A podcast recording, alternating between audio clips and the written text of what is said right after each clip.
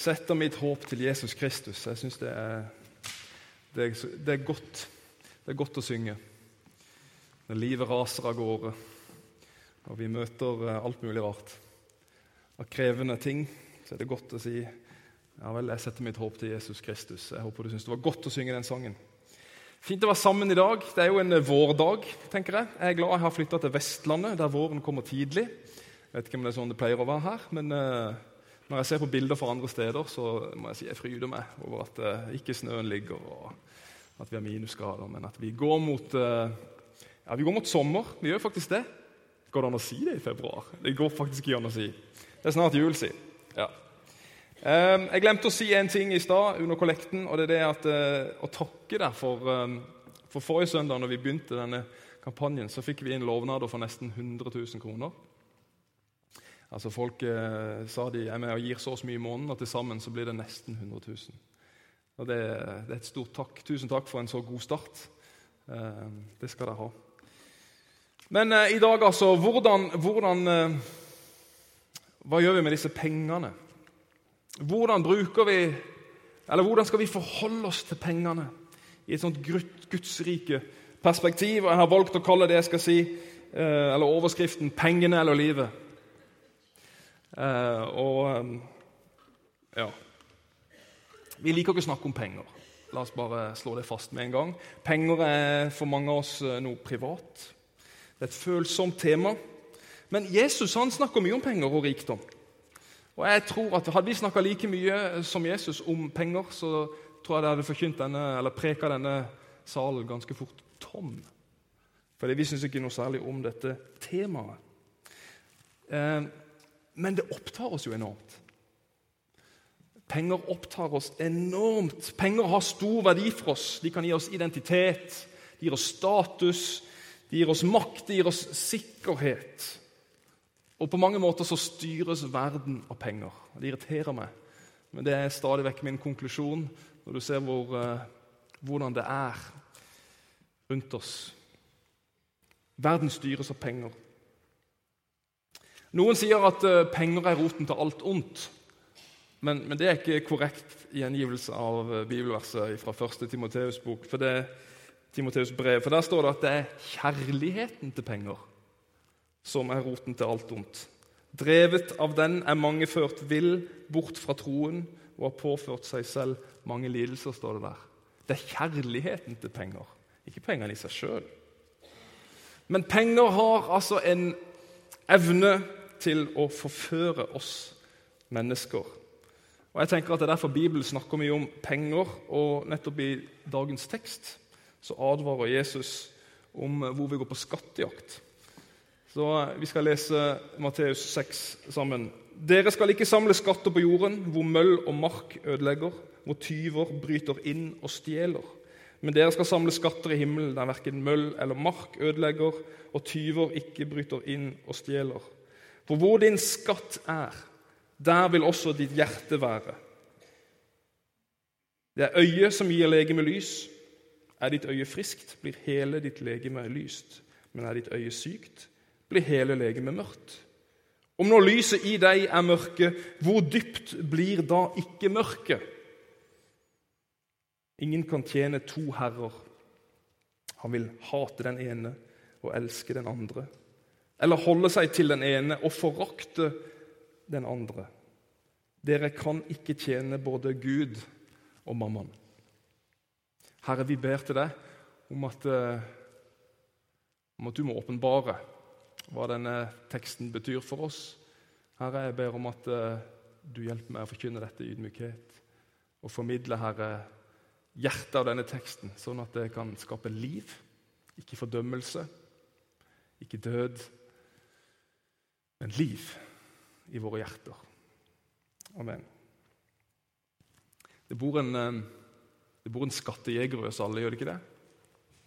Jeg vet ikke om du liker å se på disse her skattejegerne på Discovery og andre kanaler, men det er noe spennende med skattejakt. Det ligger liksom naturlig for oss. Og fra skapelsen av så eh, er vi avhengig av et feste til tilværelsen.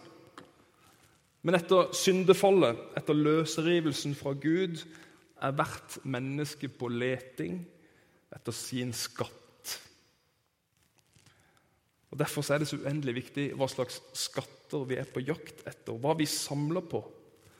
For som en sa, skatter kan enten heve din karakter til ørneflukt eller tvinge deg ned til mollvarpnivå. Hvordan, hvordan kontrollerer penger oss? Og teologen John Stott, som noen av dere kjenner, han sier at materialismen binder våre hjerter til jorden. Jeg syns det er godt sagt. Materialismen binder våre hjerter til jorden. Og Jesus advarer mer enn én gang, for å si det sånn, bl.a. mot rikdommens bedrag og lysten på alle andre ting som kveler ordet, eller Guds ordet, så det ikke bærer frukt. Rikdommens bedrag og lysten på alle andre ting. Og Paulus han prøver å få de kristne til å løfte blikket, så han sier i Kolosserne 3.: Er dere da reist opp med Kristus, så søk det som er der oppe, hvor Kristus sitter ved Guds høyre hånd. La sinnet være vendt mot det som er der oppe, ikke mot det som er på jorden. Noe av det samme.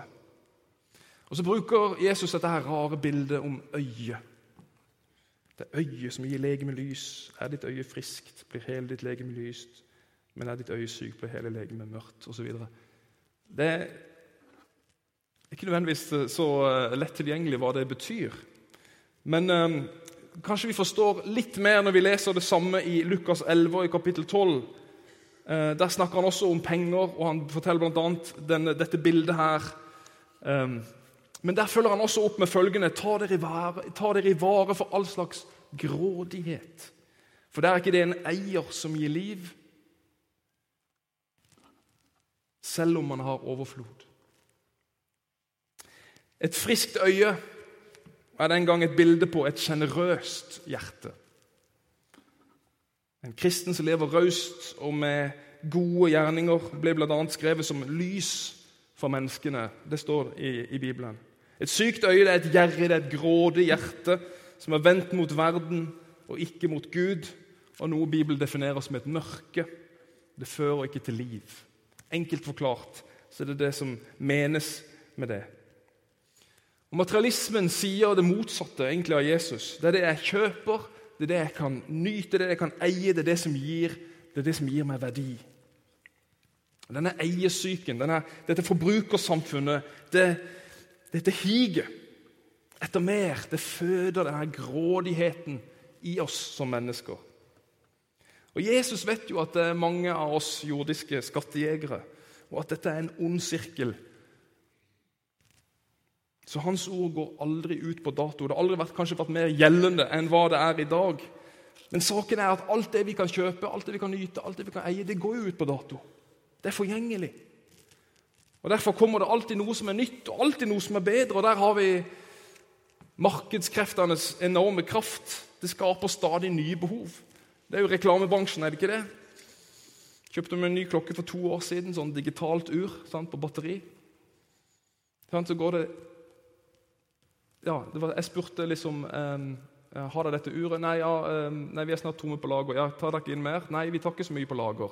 Fordi det kommer snart et nytt et. Så det gikk, tror det gikk tre måneder, så kom det en facelift av uret. sant? Åh, det var jo litt kulere, da hadde flere funksjoner. Åh, har lyst på det. Så blir man veldig raskt misfornøyd med dette uret fordi det ikke har de nye funksjonene. Og Samme er det for de fleste mannfolk her som uh, kjøper ny bil. Og uh, et halvt år seinere har jo den bilen fått en facelift. sant? Og så ser vi, ser vi den og den kjører forbi oss hver dag, så tenker vi åh, den var jo litt finere. etter bare et halvt år kanskje, så har vi lyst på en ny bil igjen. Reklamebransjens krefter. Det kommer alltid noe som er nytt, og alltid noe som er bedre. Samler vi skatter på jorden, blir vi aldri tilfredsstilt. Aldri blir vi fornøyd. Eller på engelsk jeg liker det ordet 'content'. Det sier på en måte noe mer. Contented, To be contented. Å være tilfredsstilt. Og Livet kan for mange bli en håpløs jakt etter verdi. Men det er en ond sirkel. Jo mer vi eier, jo mer kanskje kontrollerer det oss. Jeg har, jeg har en venn som som uh, i sin tid uh, Jeg fortalte vel om han her for ikke så lenge siden, en tidligere rusmisbruker. Og når han kom seg ovenpå og fikk litt penger i nevene, så begynte han å kjøpe ting. For da var det liksom, det, det var jo det som betydde noe. Så han kjøpte båt og ja, jeg vet ikke, motorsykkel eller hva det var. Og Til slutt så satt han der med, med mange ting, og så sa han at åh, Fredrik, det var så slitsomt å eie alle disse tingene, for de begynte å eie meg. Der sto båten der, og så sa han til meg du må jo bruke meg! Du har brukt så mye penger på meg, du må jo bruke meg! Det er ikke sånn det er. Jo mer vi har, jo mer eier det oss. For vi må jo bruke det. Jo mer vi eier som er verdifullt for oss, jo mer kan vi også miste. Og Som Jesus sier, tyven kan komme og stjele. Hvis noe er veldig verdifullt for oss, så slår bekymringen inn. gjør han ikke det? Og hva sluker ikke mer av livet i oss enn våre bekymringer? Jeg tror vi alle er kjent på den kraften. Og hvordan det er å være bekymra, hvordan det stjeler glede og liv. Vi skulle kjøpe en ny bil her for et par år siden. Så, så er det jo sånn at jeg er jo en av de mannfolk som kjøper bil med følelser. Dessverre. Jeg må bare innrømme det. Jeg har følelser for bil. Så da er det ikke bare ett fett, men uh, det må helst være noe som liksom Ja. Er det, ingen, det er bare meg som er sånn? Nei, jeg ser det noen. Er det noen, er det noen mannfolk? Det er godt å ha noen her. Vi har litt følelser for bil. Det er liksom noe som er litt mer stilig enn andre. Og, ja. Jeg kommer bekjennelse fra talerstolen her. Så da, så da, vil jeg gjerne ha jeg vil gjerne ha firehjulstrekk, jeg vil gjerne ha en høy bil, litt kraftig bil, bla, bla, bla. Og så har jeg heldigvis ei kone som er helt løyst, det der, som vi sier på Sørlandet. Og så er det, det, det, er helt greit, det, Fredrik. Vi kan godt ha firehjulstrekk og skinnseter og automat og alt det der. Men eh, det må i hvert fall være sånn at ungene kan spise i bilen. Og det skal ikke være sånn at vi er redd for å låne den vekk, for det er ikke vår bil, det er Guds bil. Ja.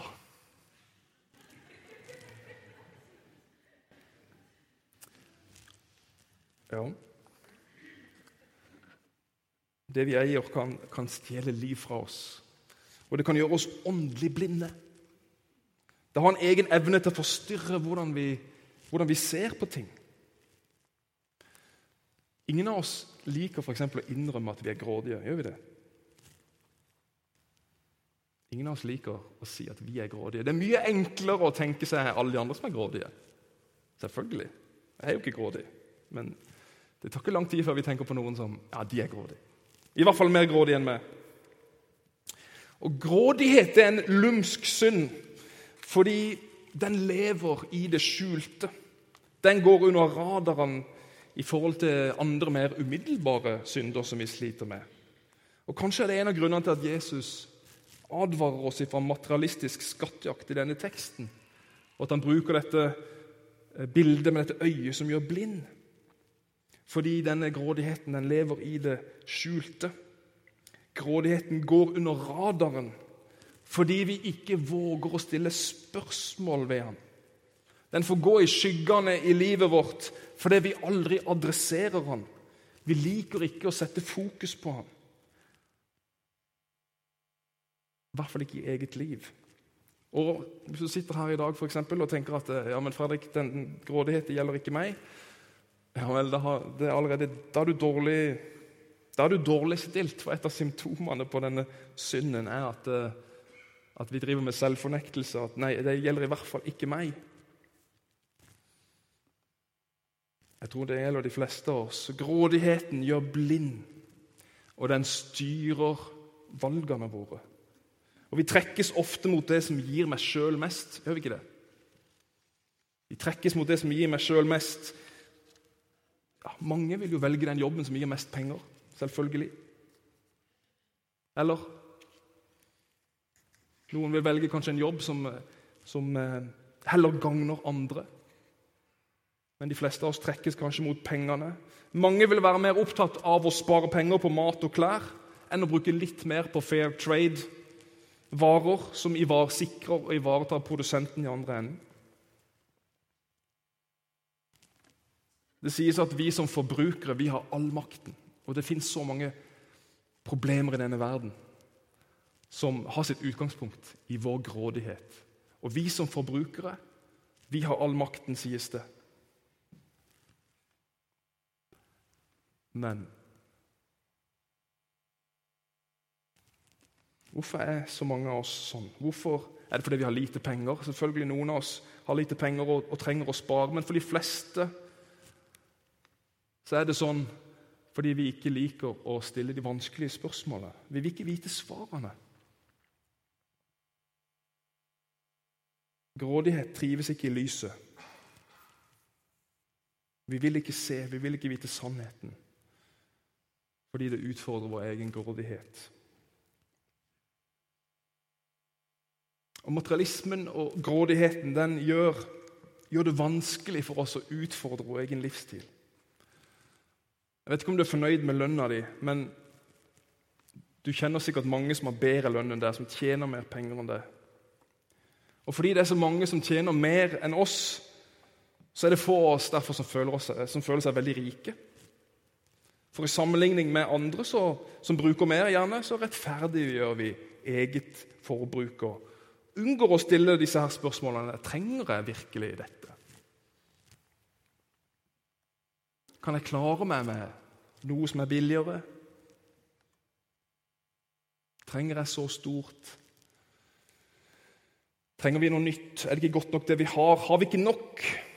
Eller skulle vi heller ha brukt pengene på noen andre? Skulle vi, skulle vi ikke heller ha velsigna naboen? Skulle vi ikke heller ha gitt mer til menigheten? Men hvor ofte stiller vi oss sjøl disse spørsmålene? Når makter vi å ta et oppgjør med egen livsstil? Når var det tema i ekteskapet ditt? Rausheten. Bruker vi penger på andre? Går alle penger til oss sjøl? Klarer vi å snakke om det? Eller hvorfor kan vi ikke snakke om det i våre vennskap og i våre nære relasjoner? Venner vi har vandra med hele livet. Det er sjelden jeg snakker med mine nærmeste venner om grådighet, om raushet. Egentlig så har vi bare lyst til å gi pengene. Greit, vi bare gir. Men vi helst ikke snakke om det grådighet. Hvorfor har penger så makt over oss, egentlig? Jo, Jesus sier det, for hvor din skatt er, der vil ditt hjerte være. Det er jo mye brukt, det verset der, langt utover eh, kristne sammenhenger. Hvor din skatt er, der vil ditt hjerte være. Penger har makt over oss fordi det gir mennesker i varierende grad verdi, det gir oss status, det gir oss anerkjennelse. Det er helt enormt hvordan det der fungerer. Og det er Jo derfor det er sånn, jo mer kjærlighet du har til penger, jo mer vil det definere det. Bare tenk hvor lett det er å få status i dette samfunnet fordi du har penger. Det er nesten så dumt. Det er nesten for dumt. hvor fort mennesker får status fordi de har mer penger enn oss. Tenk, men tenk andre veien, hvor lett det er å se ned på et menneske fordi det er fattig. Fordi det er langt under din levestandard. Hvor fort det kommer en negativ tanke. Hvis vi er helt ærlige med oss sjøl, så, så, eh, så, tror jeg vi skjønner wow, hvilken makt penger har. Det er kanskje ikke rart at over to millioner nordmenn hver uke tipper Lotto. Over to millioner menn tipper Lotto hver uke. Eller har nordmenn bruker jo kredittkortet mer og mer. Hvis ikke det er fordi penger har makt over oss. Det gir oss verdi. Men penger har mye makt også fordi eh, det gir oss kontroll. Det gir oss sikkerhet. Kanskje, kanskje er du ikke en av de som nødvendigvis føler deg verdifull eller betydningsfull fordi du har penger. Men veldig mange av oss er avhengig av penger for å kjenne oss trygge.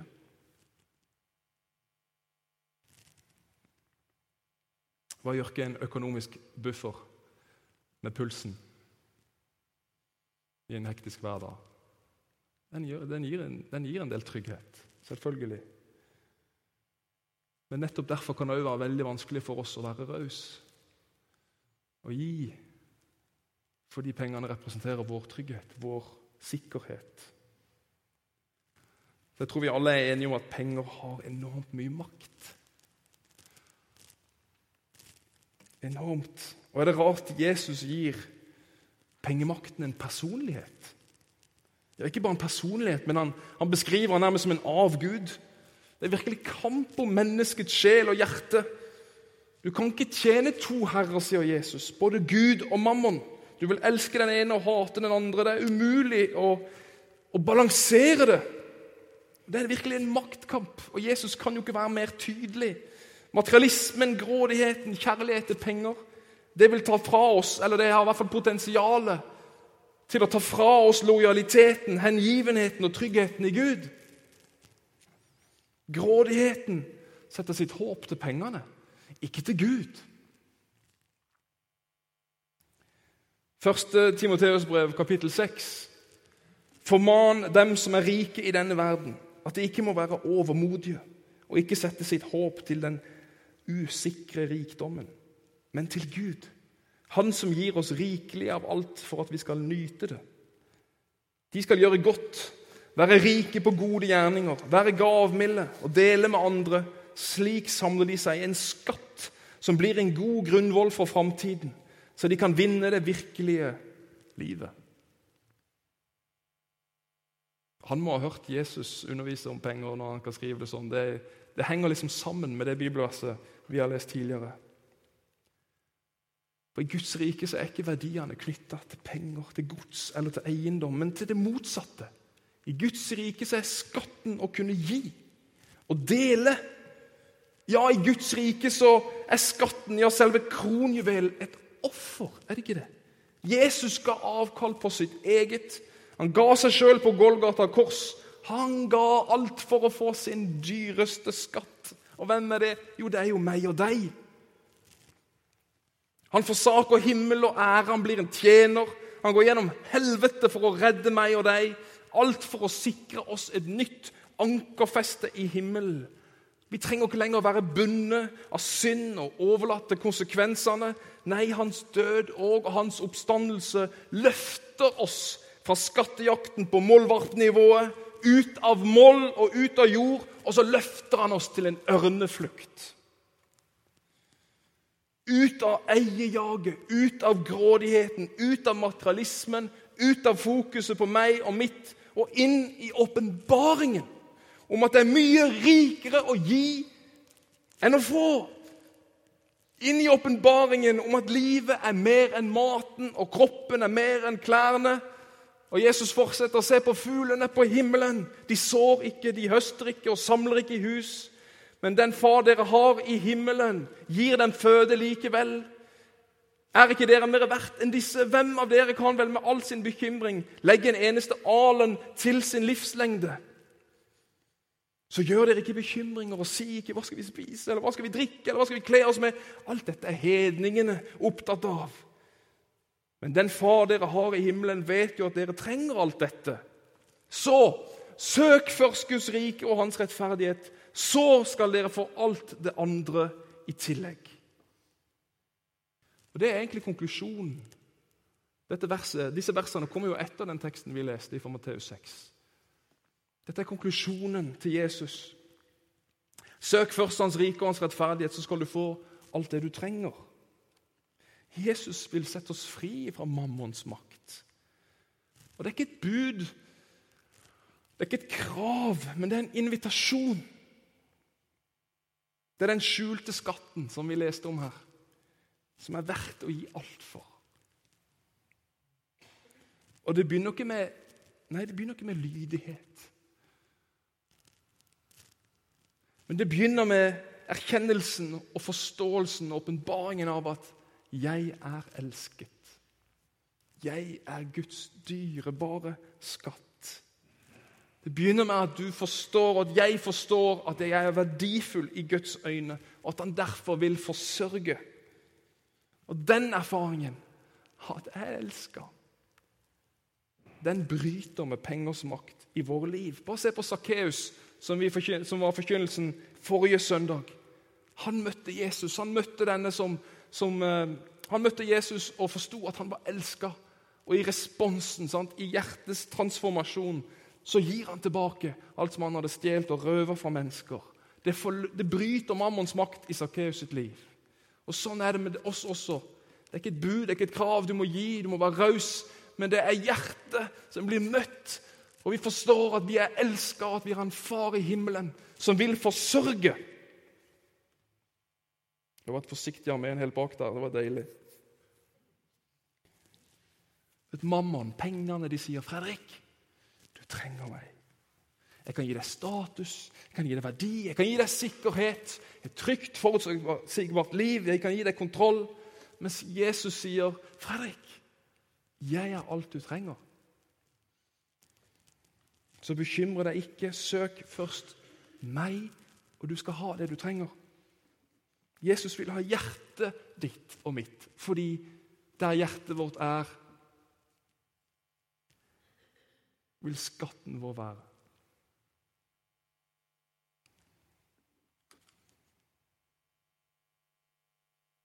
Jo mer jeg forstår at jeg elsker for den jeg er, jo mer tillit får jeg til Gud.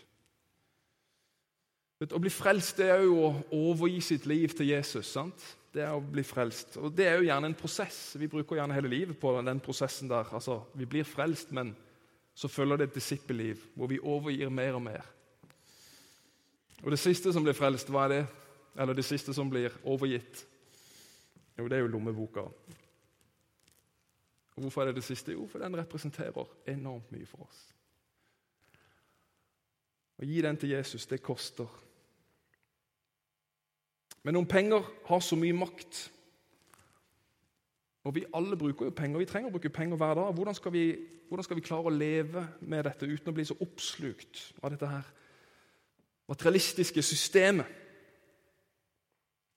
Og Bibelens strategi det er holdningen om at uh, ingenting er mitt. Alt tilhører Gud. Litt sånn som Katrine sa om denne bilen. John Wesley, forkynneren, han sa hvis jeg skulle dø med mer enn ti pund i lomma, så la alle kalle meg en tyv og en hykler. John Wesley. Hvis jeg skulle dø med mer enn ti pund i lomma, så la alle kalle meg en tyv og en hykler. Jesus sier 'gi, så skal du få'. Han sier ikke 'spar og bli rik'. Å bli rik i Gud kan faktisk være å, å være raus. Og Jesus forteller jo en lignelse. Det var en gang en rik mann. Jorden hans hadde båret godt, og han tenkte hm, hva skal jeg gjøre? Jeg har ikke plass til alt dette her. Jo, nå vet jeg det. Jeg river ned låvene, og så bygger jeg de mye større. og Der samler jeg alt kornet og alt jeg ellers eier. Og så skal jeg si til meg sjøl hm, nå er det mye godt liggende for mange år. Nå kan du slappe av. Null stress, ingen bekymringer. Spis og drikk, nyt livet, vær glad. Men så kommer Gud, så sier han uforstandige menneske. Dette var ikke særlig lurt. I natt kreves ditt liv tilbake. Hvem skal så ha det du har samlet? Og Så står det så treffende på slutten slik går det med den som samler skatter til seg selv og ikke er rik i Gud. Vi leser ikke den teksten fordi vi alle kommer til å dø. Men jeg tror teksten Jesus bruker overdrivelser, og han streker under. Og Det handler om det samme. Det handler om denne rausheten. Om å bli rik i Gud, som er viktig. Hva er viktigst for oss? Skal vi ta de, et par store spørsmål til slutt? Hvor mye skal jeg gi? Evige maset. 10 Tienden ble bl.a. forkynt forrige søndag. Ja, Om du levde i gamle Israel, under loven, så var jo tienden skatten. Så hvis du, lever, hvis, du, hvis du, opplever at du lever under den tid og under den lov, så må du gjerne gi 10% Men vi lever i en nytestamentlig tid. Og Da er jo egentlig budskapet 100% Alt er Guds.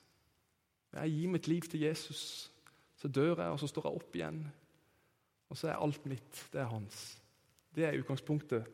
Det er det Jesus sier. Ta de kors opp, følg meg. Altså, det er å miste, det er å gi hele livet. Det er jo 100% Og vi maser om 10%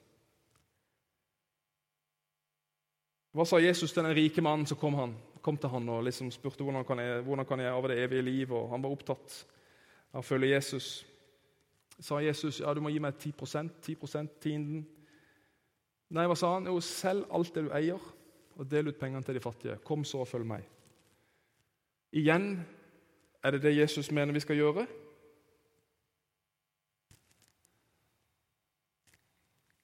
Nei, mest sannsynlig ikke. Men han adresserer hvor skatten til denne mannen er. Og det var i rikdommen hans. Og Da kan ikke Jesus la være enn å liksom trykke på det. Og Det står at mannen går bedrøvet bort, og, og Jesus lar han gå bort. Kanskje kommer han tilbake igjen, det står det ikke noe om, tror jeg. Men uh, Jesus utfordrer så enormt på dette.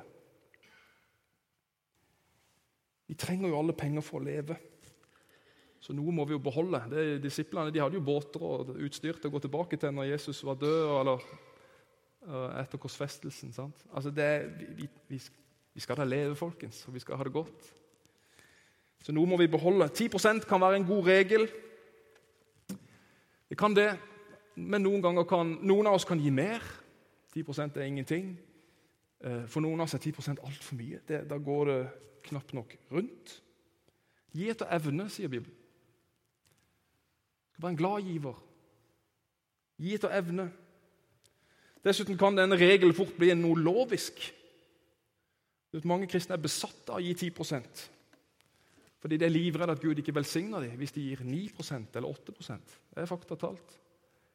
Da blir det lovisk for meg. Da blir det noe religiøst. Det er ikke sånn det er ment å være, tror jeg. Dessuten, de, mange av de som gir 10, mange, gir 10 og lever godt med det.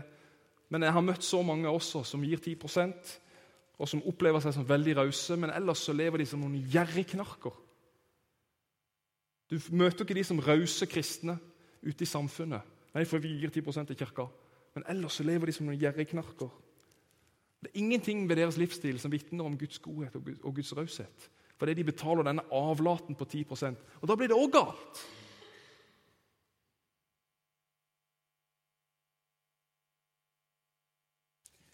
Vi bommer på målet hvis det blir sånn. Det er ikke prosentsatsen som betyr noe, men det er hvor du har skatten din, det er hvor hjertet ditt er. Gud kaller oss til å være raus uten tvil. Gud kaller oss til å gi uten tvil. Gud taler om glede når vi skal gi. Men jo mer skatten går over til å bli rik i Gud, jo mer glede har vi av å gi. Og jo mer glede har vi i å dele. Men saken er ganske klar. Jo mer vi gir av livet vårt til Jesus, desto mer viser dette seg i en raus livsstil. Og Dette faller kanskje hardt for noen, men jeg vil si det så sterkt at, at raushet er et kjennetegn på at Jesus har grepet hjertet ditt.